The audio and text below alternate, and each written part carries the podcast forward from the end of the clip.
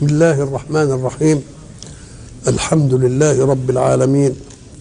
والصلاة والسلام على أشرف المرسلين وخاتم النبيين ورحمة الله للعالمين سيدنا محمد وعلى آله وصحبه أجمعين. وبعد. فقد وقفنا في اللقاء السابق عند قول الله سبحانه أعوذ بالله من الشيطان الرجيم. ذلكم قولكم بأفواهكم والله يقول الحق وهو يهدي السبيل. القول بالأفواه معناها أنها نسبة كلامية تصدر من اللسان دون أن يكون لها رصيد من اعتقاد القلب. وقد يوجد رصيد من اعتقاد القلب في شيء ولكن الواقع غير هذا. يبقى كم نسبة عندنا؟ اعتقاد في القلب له واقع. كما تقول كان زيد عندي بالأمس وصحيح كان زيد عندك بالأمس. يبقى ده حق صدق. وقد تعتقد أنت شيئا فتتكلم به ولكن الواقع مش كده. اعتقدت أنت. يبقى هذه مرحلة. اعتقاد في القلب ولا واقع له. يبقى الأول اعتقاد وواقع. خلاص؟ والثاني اعتقاد ولا واقع.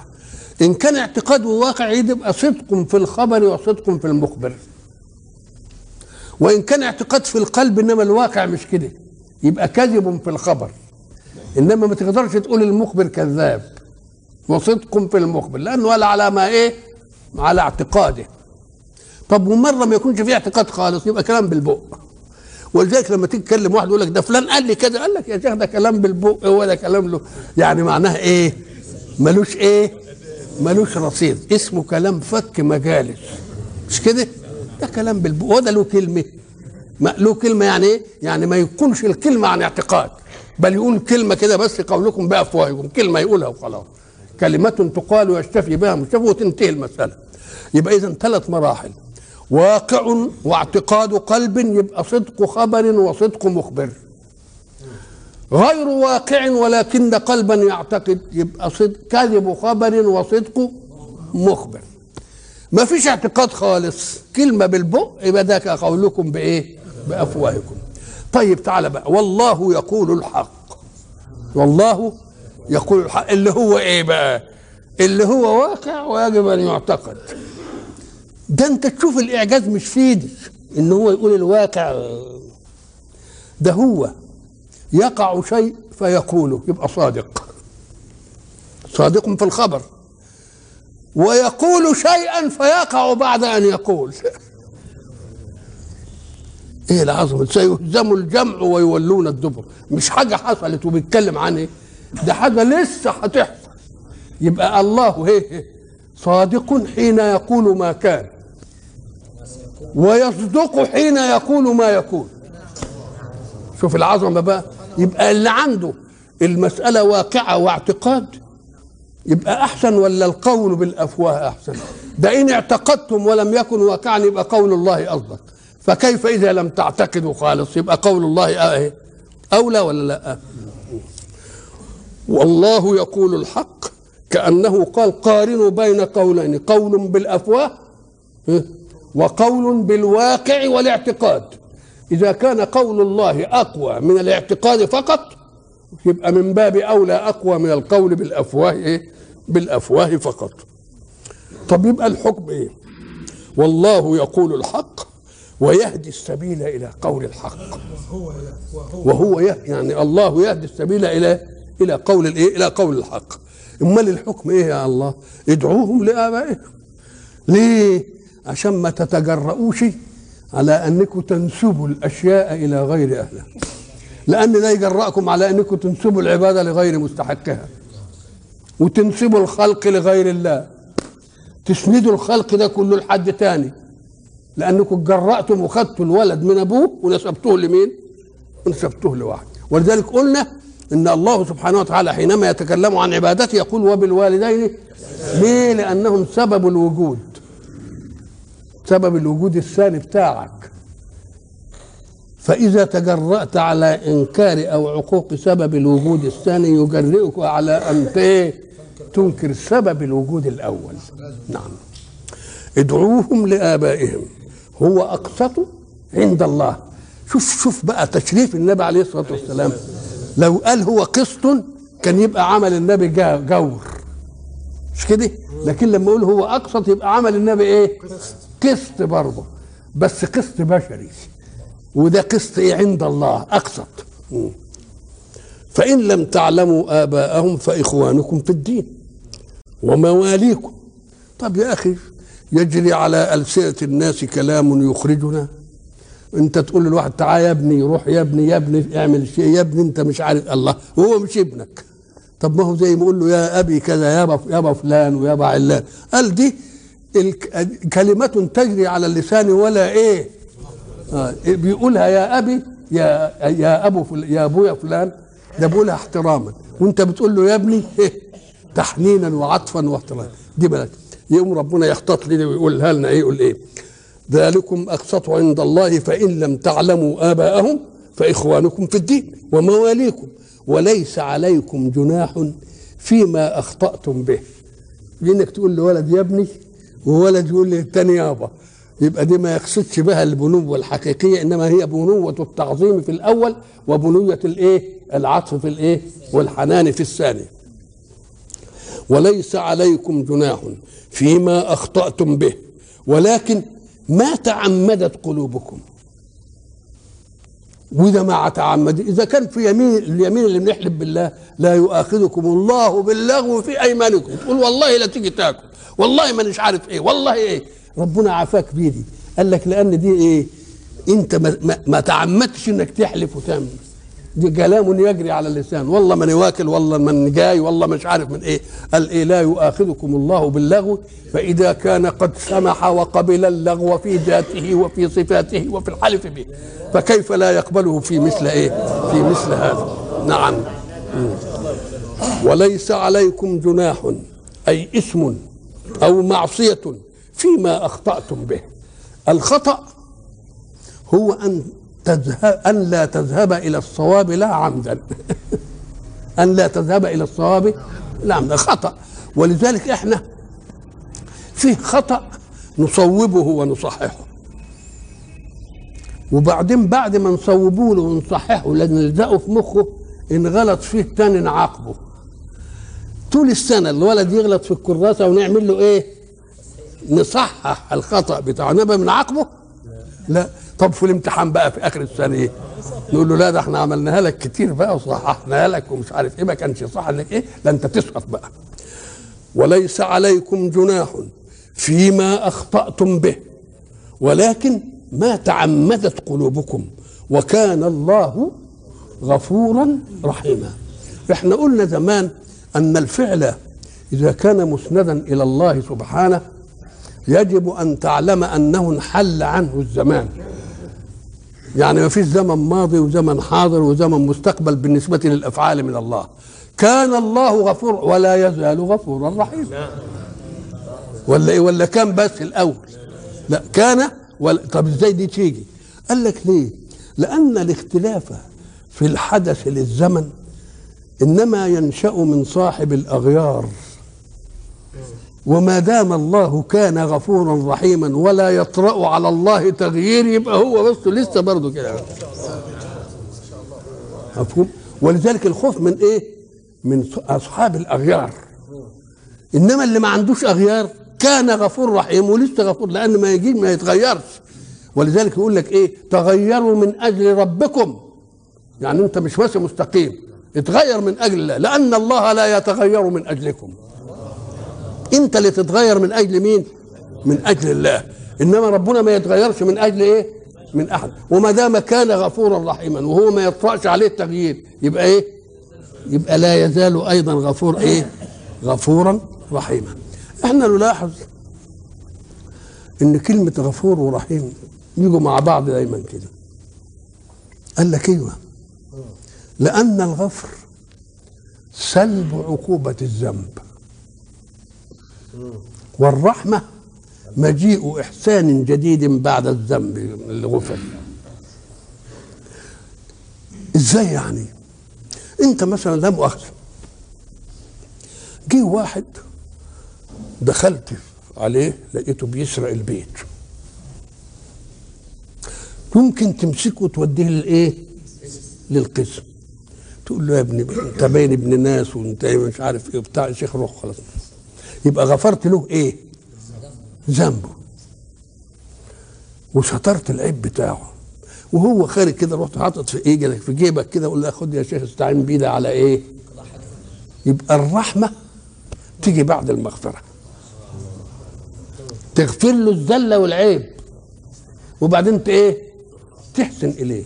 هناك لما ربنا قال وإن عاقبتم بمثل ما عوقبتم به. شوف برضو ربنا سبحانه وتعالى وضع أساسا للمغفرة. أول أساس فعاقبوا بمثل إيه؟ طب وأنا ضربني واحد قلم. أنا ضربه قلم. طب ما يمكن هو راجل ضعيف وصحته على قده والقلم بتاعه يا دوب ما عملش فيه يمكن أنا إيدي صعب شوية ضربته قلم تبقى أكتر من ال... طب وأنا أضمن المثلية دي إزاي؟ تقوم ما تدخلش في متى وقول يا شيخ ولا أنا ضارب ولا أنا عامل. لأن أنت إن زودت هتت إيه؟ منك قصاص الله يقول ما دام إيه؟ وإن عاقبتم إيه؟ فعاقبوا إيه؟ بمثل ما أنا حكيت لكم حكاية زمان أو في جلسة أخرى لغيركم إن كان في واحد مرابي واحد راح استعار منه مال اقترضه فقال له ميعاده كذا وانت اخرت عن يوم كذا يبقى أنا اخد منك رطل من لحمك وكتبوا الشروط وكل حاجة فتاخر الراجل فراح اشتكاه القاضي بقى مسألة قانون المتعاقدين بقى شروط المتعاقدين. فالقاضي ذكي ولبق وألهمه الله الحكم. قال له شوف يا سيدي أنت صحيح تاخد منه رطل بس إحنا هنوقفه اهو نجيب لك سكينة ونوقفه كده وتروح ضارب السكينة خبطة واحدة كده تطلع الرطل. النقص نكمله منك ونزاد ناخده منك. قام قال يا شيخ ولا أنا عايز لا ده وإيه؟ يبقى كده قوله وإن عاقبتم فعاقبوا مثل ما عوقبتم بأول مرحلة في الإيه؟ لأن مين يقدر المثلية دي؟ تقدرها إزاي؟ أنت ما تقدرش تقدرها. يقول يلا بلاش وبعدين يقول في إيه ثانية وان تعفوا وتصفحوا يبقى هو خير. يروح مفسرها بحيثية ثانية يقول والكاظمين الغيظ. والعافين عن الناس. والله يحب المحسنين. ما معنى كظم الغيظ؟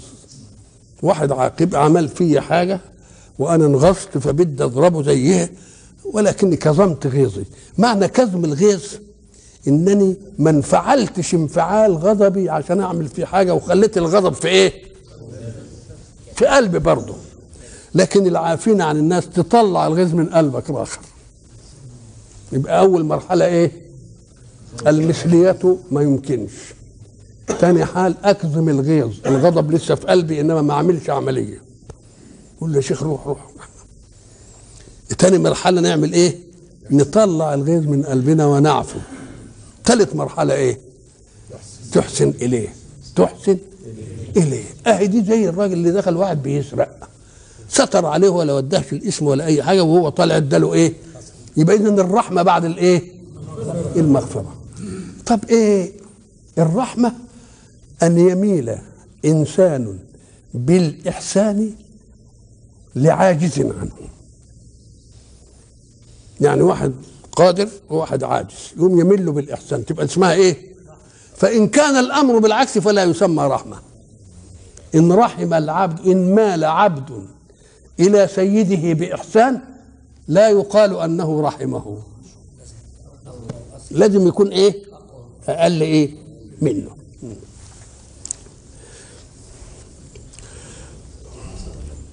وليس عليكم جناح فيما أخطأتم به ولكن ما تعمدت قلوبكم وكان الله غفورا رحيما. أيوه نسينا نقول إن المغفرة دايما تيجي قبل الإيه؟ قبل الرحمة. قال لك ومرة تيجي الرحمة قبل المغفرة. نجيب لها برضه صورة كده نقربها. واحد برضه دخل بيته فوجد لصا. راح مسكه اللص قام الولد ارتج ولقاه ابن ناس ومش شكل حرامي ومش شكل مش عارف إيه. هيقول له والله يا سيدي أنا والله العظيم ما, ما أكلت بقالي يومين ولا ما أكلت بقالي يوم. يقوم يقعده ويجيب له أكل ويدي له إيه؟ يأكل. وبعدين بعد ما خلص أكل إذا كان من الممكن ياخده ويسلمه لمين؟ للشرطة. قال له يا شيخ روح أنت راخر تبقى الإحسان جه قبل مين؟ قبل المغفرة. ولكن هذا هو القليل. لكن المغفرة تسبق الإحسان. الرحمة تسبق ال- المغفرة تسبق الرحمة. ولذلك لما القرآن يجي يقول إيه؟ وننزل من القرآن هو شفاء ورحمة. ده شفاء ستر للمرض. اهي دي المغفرة. ستر للإيه؟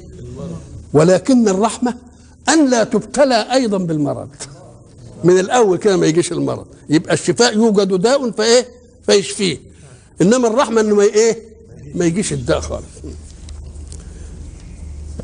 بعد ذلك لقائل أن يقول ما موقف زيد حينما يكون اسمه زيد ابن محمد؟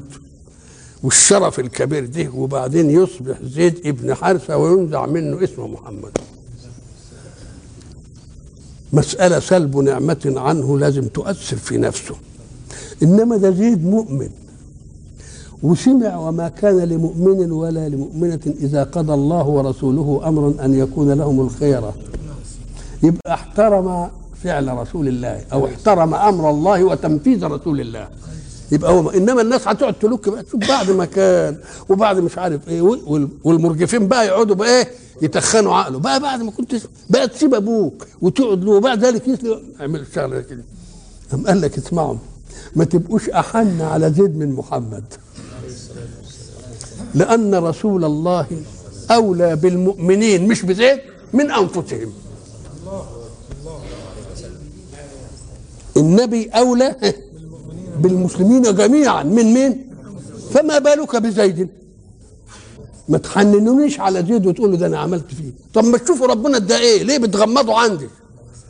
الله جعل اسمه زيد بن حارثة بعد أن كان زيد بن محمد. إنما هات لي كده صحابي من صحابة رسول الله اعطي وساما من الله بأن اسم العلم يذكر في القرآن ويتعبد بتلاوته. اهدي. ده لا فلما قضى زيد منها وطر بقى مذكور بالقرآن والقرآن خالد يبقى ذكره خالد. يبقى عوضوا ولا ما عوضوش؟ عوضوا عوض كبير قوي يبقى مش فاهمين. بيستروا دي. النبي أولى بالمؤمنين من أنفسهم. هي الأولوية دي تبقى إيه؟ قال لك واحد بيحسن على الاباعد قبل منها بيحسب على القريب اللي في حاشية بعيدة مش كده؟ وقبل منها يحسن على القريب اللي في حاشية قريبة وقبل منها يحسن لنفسه. يبقى كم مرحلة؟ بقى يحسن على مين؟ للأباعد الأول اللي ما لهمش قرابة بيه. وبعدين إيه؟ اللي قبل منها يحسن على مين؟ على الناس القرابة الإيه؟ ال- البعيدة. ويحسن على القرابة إيه؟ القريبه وبعدين يحسن إيه؟ يبقى أول حاجة الإنسان بيحسن فيها لمين؟ لنفسه. ولذلك يقول رسول الله صلى الله عليه وسلم ابدأ بنفسك؟ ثم بمن إيه؟ بمن تعود. ولذلك كانوا يقولون إن أوطان الناس تختلف باختلاف هممها. كلمة وطن تختلف باختلاف همم الناس. فرجل وطنه نفسه. يرى كل شيء لنفسه ولا يرى نفسه لأحد. أدي واحدة ورجل وطنه أبناؤه وأهله. يبقى ده يقول لك ده رجيل إنما دوكا بيسميه إيه؟ عالة. طب واحد بقى بيسيب متع... يبقى الأصول والفروع ويتعدى شوية.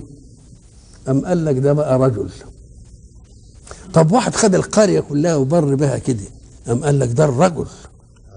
طب ورجل راح بقى راجل العالم كله بيدي. للإنسانية كلها. قال لك هذا فلسفة الرجل. فلسفة إيه؟ فلسفة الرجل. يبقى كل الواحد ما يوسع دائرة الإحسان ودائرة المعروف تبقى الرجولة بتاعته دي المقياس. فرسول الله صلى الله عليه وسلم يبقى أهم حاجة في الإنسان إيه, إيه؟ مش نفسه. الرسول أولى بالمؤمنين من أنفسهم. يبقى جاب أهم حاجة والرسول أولى بها. ولذلك الرسول صلى الله عليه وسلم في أول الأمر كان إذا مات رجل عليه دين وليس عنده وفاء لا يصلي عليه. ويقول صلوا على أخيكم. ما يصليش هو عليه. ناس يقولوا الله وده ذنبه إيه؟ مديون وبتاع ما يصليش عليه قال هو منع الصلاة ولا قال صلوا على أخيكم؟ صلوا على أخيكم. انما هو ما صلاش. طب ليه؟ قال لك لأنه هو قايل في حديث ثاني من أخذ أموال الناس يريد أداءها. ما قالش أداها لا. أدى الله عنه. ربنا هو اللي يؤدي ما دام في نيته إنه يؤدي هو مش هيؤدي إنما مين اللي يؤدي الله. فحيث لم يؤدي ومات وعليه يبقى كان في نيته أن لا يؤدي. يبقى أنا ما اصليش عليه. فلما نزلت قول نزل قول الله النبي أولى بالمؤمنين من أنفسهم قال اللي يموت وعليه دين علي أنا. بقى أولى من إيه؟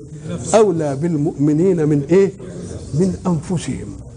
يبقى أولى بالمؤمنين من أنفسهم يبقى ما دام هو عمل كده يبقى لازم يكون النبي صلى الله عليه وسلم أولى من أي إنسان ومن نفسه به.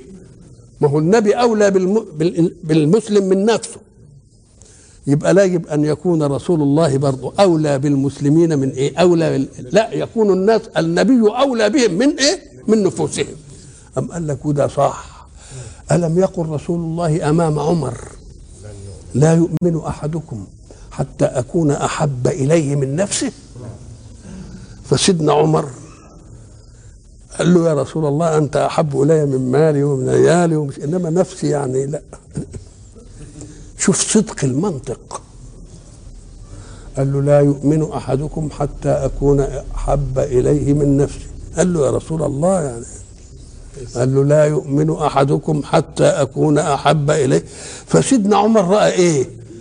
المسألة إيه؟ عزيمه أم فطن عمر إلى الجواب وقال ما دام الأمر عزيمة فلا بد أن الله أنطق رسول الله بحب غير الحب الذي أعرفه.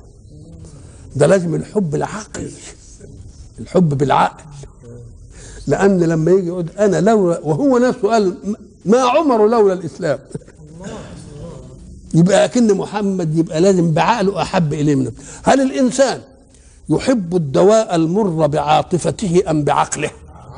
بعقله. تعال. ولد ذكي وهو ابن عدوك تحبه بإيه؟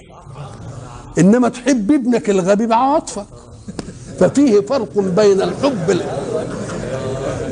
أمال إيه؟ ما يحب الولد ويحب اللي يقول ده كلام على الولد الولد ويمدحه. يبقى مبسوط بيه مع إنه فاهم إنه غبي. ولذلك مشهورة القضية عند العرب. مشهورة إن واحد كان عنده ولد جه في آخر الزمان بس طلع متخلف. وبقى كبير قوي كده.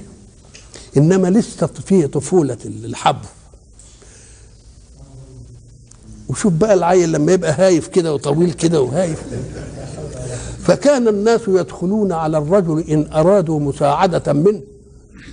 بانهم لما يروحوا يشوفوا الولد ما شاء الله الله يبارك. ده الولد مش عارف إيه ويقعد يمدح له فيه شوية. الراجل ينبسط قوي وبعدين يميل عليه يقول له والله عايزين 100 جنيه. يقوم يديهم. له فواحد جاء أصابته ضيقة. فقالوا له اذهب إلى فلان. وشوف الولد كده وامتدعه شوية وطبطب عليه و... وبعدين اطلب طلبك.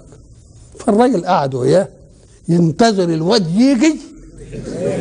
الواد ما جاش. قعد وطول. صاحبنا يبص له يعني عايز إيه برضه يتغطرش شوية لو سلم كبير كده والولد نازل من على الإيه؟ السلم عليهم في الباء كده ونازل طويل وهايف كده وقاعد يتمخطر ومش كبير قوي. وبعدين يقول له يا بابا يعني بكلام. قال له أنا نزلت على السلم لوحدي.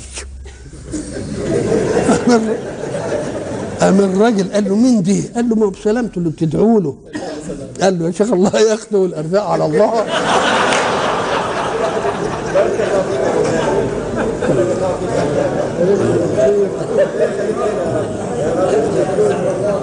النبي أولى بالمؤمنين من أنفسهم.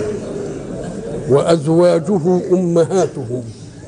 أزواجه أمهاتهم.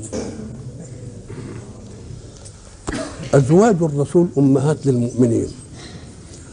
قال بعض العارفين وما دام أزواج الرسول أمهات للمؤمنين فتبقى خديجة أم لرسول الله لأنه أول المؤمنين. ولذلك كانت تعامله مش معاملة الزوجة معاملة الأم يعمل كده تطبطب عليه وتقعد وتحطه على رجلها وتعمل مش ويغيب على الجبل تروح له له الأكل بالك لو كانت بقى واحدة من صغيرة كده وبتاع كانت تقول للراجل جرى له حاجة الراجل هذا إيه اللي حصل له إنما دي إيه تطبطب عليه وتاخد الورقة وتعمل مش عارف يبقى كان في حاجة إلى أم ولا لأ؟ نعم. حاجة إلى أم نعم. طيب أزواجه أمهاته أمهات المؤمنين ليه؟ أم قال لك وما كان لكم أن تنكحوا إيه؟ لا ولا أن تنكحوا أزواجه من إيه؟ من بعده أبدا ليه؟ لأن ال ال الرجال الذين يختلفون على امرأة توجد بينهم دائما ضغينة ولو كان الواحد مطلق الواحدة هو مطلقها وكريه ولما يجي واحد تاني يتجوزها يبقى, يبقى قوي دلوقتي فلأجل أن رسول الله صلى الله عليه وسلم أزواجه ما يصحش أن حد ما يكونوش فراشا لغيره أبدا. وما دام ما يكونوش فراش لغيره يبقوا أمهات للمؤمنين جميعا. بس المسألة ما تتعداش هذه. ليه؟ قال لك لأن افرض أن لها بنت. يبقى الناس ما تتجوزهاش. عشان بنته تبقى إيه أخته؟ لا. تبقى هي المسألة ما تتعداهاش اللي هي بس. هي بس. إنما بنته يصح إيه إيه؟ يتجوزها طبعا قوي. أزواجه أمهاته. لأنه لا يصح لإنسان مؤمن برسول الله وبيعطي المرتبه إنه يخلف رسول الله على مين؟ على امرأته. ادي واحد ولذلك كان هذا هو السبب في أنه كانت التعدد عند الجاهلية لا حد له. يعني الواحد يتجوز إن شاء الله يكون عشرين. فلما جاء الإسلام اراد أن يحدد العدد ماذا يقول في رجل عنده أكثر من العدد المحدد اللي هو أربعة؟ نزل الحزم وقال أمسك اربعا وفارق سائرهن. هذا أربعة. طب والرسول ليه قعدوا عنده تسعة؟ أهي دي اللي ماسكينها لنا مين؟ المستشرقين. نقول لهم أنتم أغبياء ومن يلف لفكم من المسلمين غبي مثلكم. شوفوا الاستثناء اللي جه لرسول الله هو عنده تسعة صحيح جمع تسعة. إنما لازم تفهموا أن الله قال له لا يحل لك النساء من بعد ولا أن تبدل بهن من أزواج. يعني إن ماتت واحدة ما تقدرش تجيب واحدة ثانية مطرحها ان ماتوا كلهم ما تجيبش حد. الله. طب تعالى بقى. طب غيره من أمته يتجوز أربعة ونطلق واحدة يجيب واحدة. مش كده ولا لا؟ ويطلق الاربعه ويجيب أربعة وأربعة و... الله. يبقى إيه؟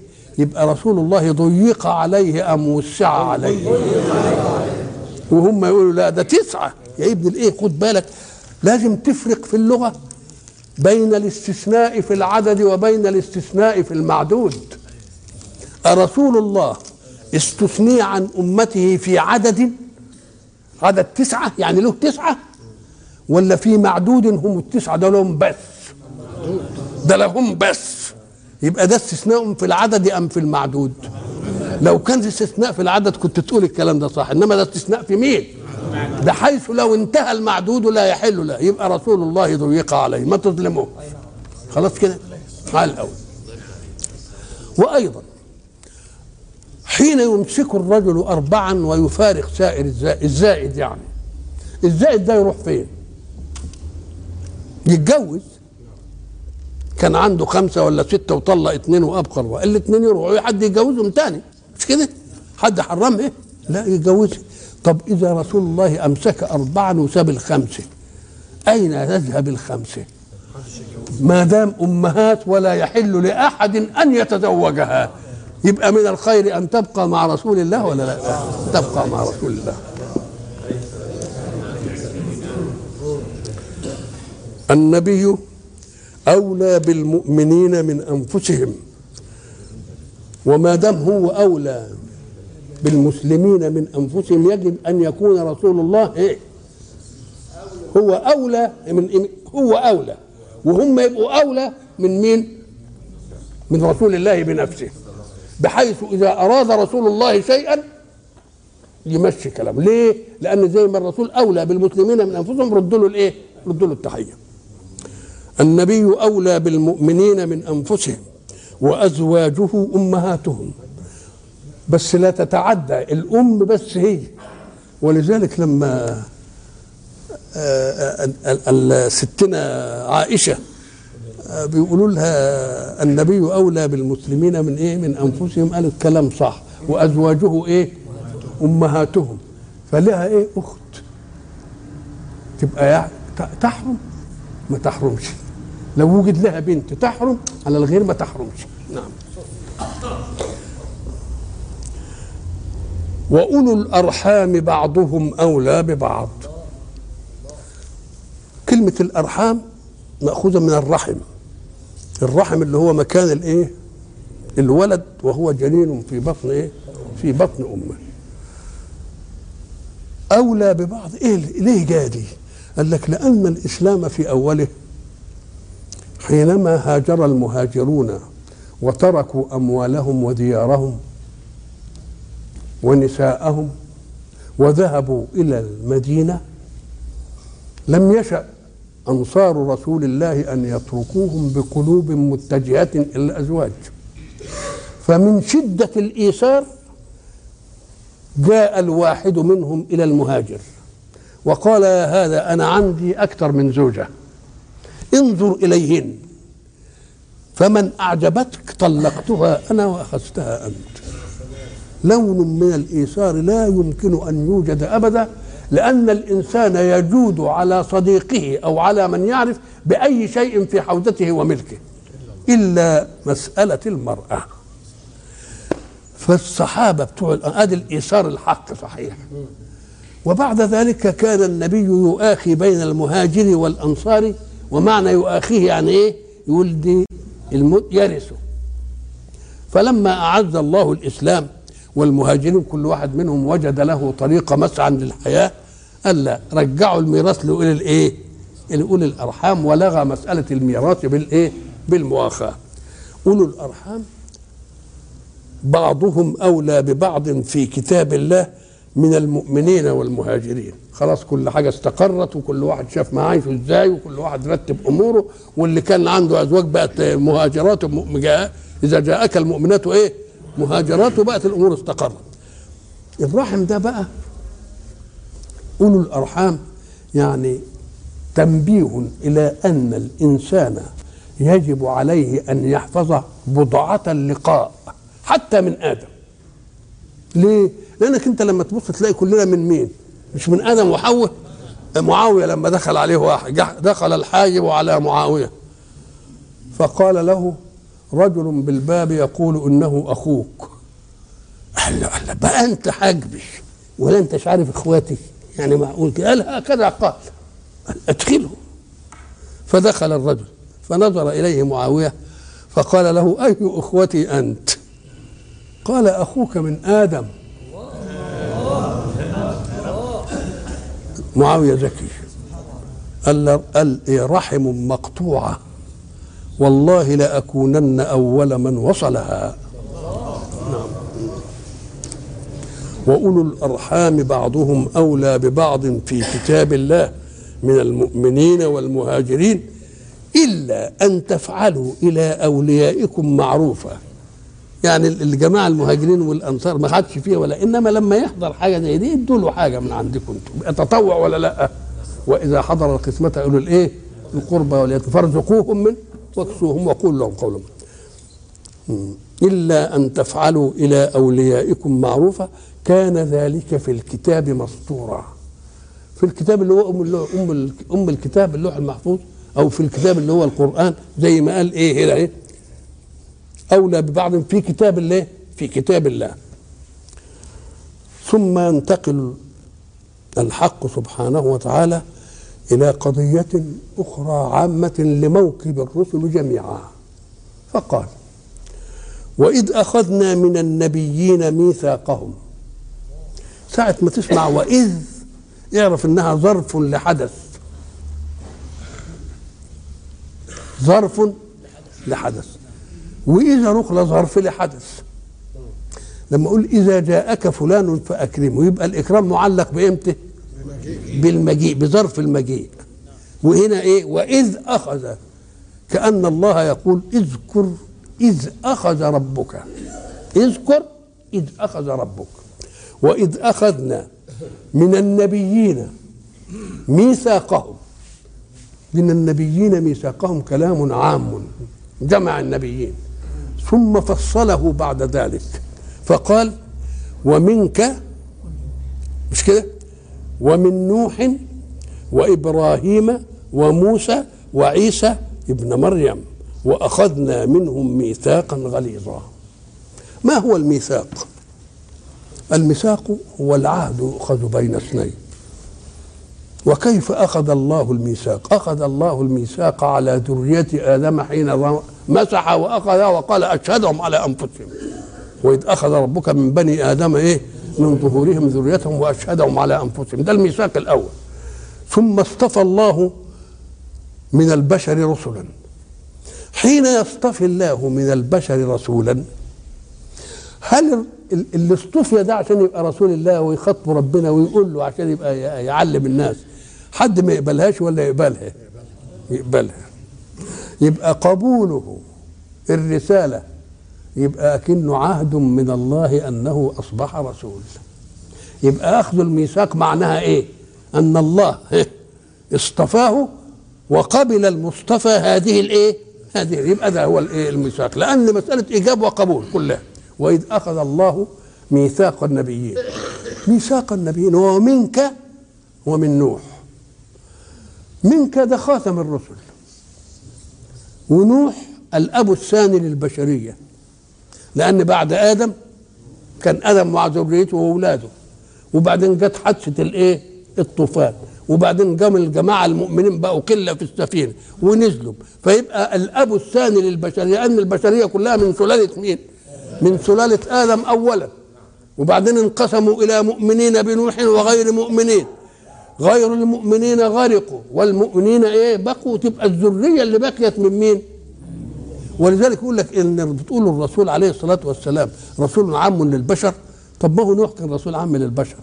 أم قال لك مش رسول بعموميته جاي ده عموميته لخصوص المرسل إليهم لأنهم كانوا جماعة في السفينة. إنما دوك أخذها في كل زمان وفي كل إيه؟ وفي كل مكان. هنا بقى ومنك ومن نوح. جاب الرسول الأول. وبعدين جاب نوح مع إن نوح قبله قال لك الواو عادة لا تقتضي ترتيبا ولا تعقيبا. الواو لمطلق الجمع. ونظرا لأن المخاطب رسول الله فقدمه. والمخاطب بهذا الكلام. وبعدين مسك مين؟ جاب نوح. أم قال لك لأنه يعتبر الأب الثاني لإيه؟ للبشر. طب وموسى وعيسى؟ أم قال لك دول لأنهم كانوا ديانتهم معاصرة لرسول الله. اليهود إيه؟ في في المدينة ونصارى في نجران وهم دول اللي أهل كتاب وكانوا بينهم وبينه. على الأول. طيب موسى ما قالش ابن مين؟ ولما جه عيسى قال ابن إيه؟ ابن مريم. دليل على أنه يؤكد الاصاله في الإنجاب. الأب أصل إن وجد مع الزوجة فإن لم يوجد الأب تبقى الزوجة. تبقى ما فيش زوجة لمين؟ ما فيش زوج لمريم. يبقى هي الأب ولا لأ؟ هي اللي نسب إليها عيسى ابن مريم. ولما يقول عيسى ابن مريم تجد إن دي لها تأثير في المسألة الأولانية. حينما بشرت مريم بأنها إيه؟ هتولد كذا وتولد كذا. وبشرها ب... قالت إيه؟ قال لم يمسسني بشر. الله لم يمسسني بشر. الله طب هو إيه؟ لم يمسسني بشر. طب ولم يمسسني بشر دي تيجي إزاي؟ هتيجي إزاي؟ قال لك دي جاية في الإعجاز. لأن إحنا قلنا إن طلاقة القدرة ما تتوقفش على أن يكون الإنجاب بشكل خاص. مش ميكانيكا. خلق آدم من لا أب ولا أم. وخلق حواء من أم ولا أب. وخلقنا جميعا من أب. وخلق سيدنا عيسى من أم دون أب فدارت القسمة العقلية فكأن طلاقة القدرة لا حدود لها. زي ما هي عايزه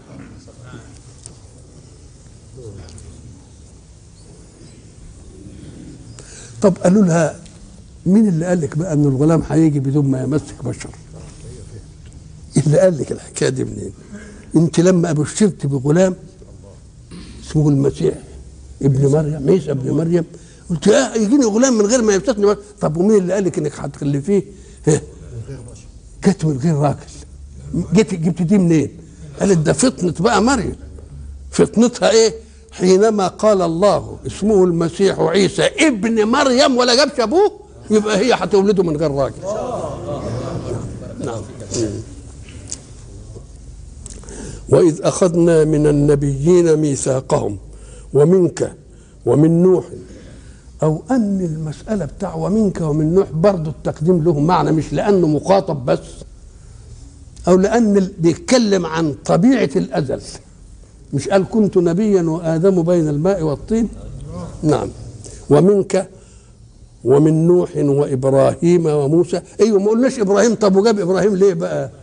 قال لك لأن إبراهيم كانت العرب تؤمن به. وتعلم إنه هو أبو الأنبياء وهو اللي مش عارف إيه وهو اللي لأنه له علاقة بالكعبة ورفع القواعد والمش عارف إيه. فاذا هو إيه؟ جاب نوح لأنه أبو الإيه البشرية الثانية وجاب إبراهيم لأن العرب بيعتقدوا إيه فيه ونقلين حاجات كتير عنه لأنه له صله بالبيت والمش عارف والمسعى والذبيح والذبيح إلى آخره وموسى وعيسى لأن دول لهم أتباع موجودين فين؟ في الجزيرة الإيه؟ العربية. وأخذنا منهم ميثاقا غليظا. الله طب ما هو واذ اخذ وإذ أخذنا من النبيين ميثاقهم وقال أخذنا ميثاقا إيه؟ غليظا.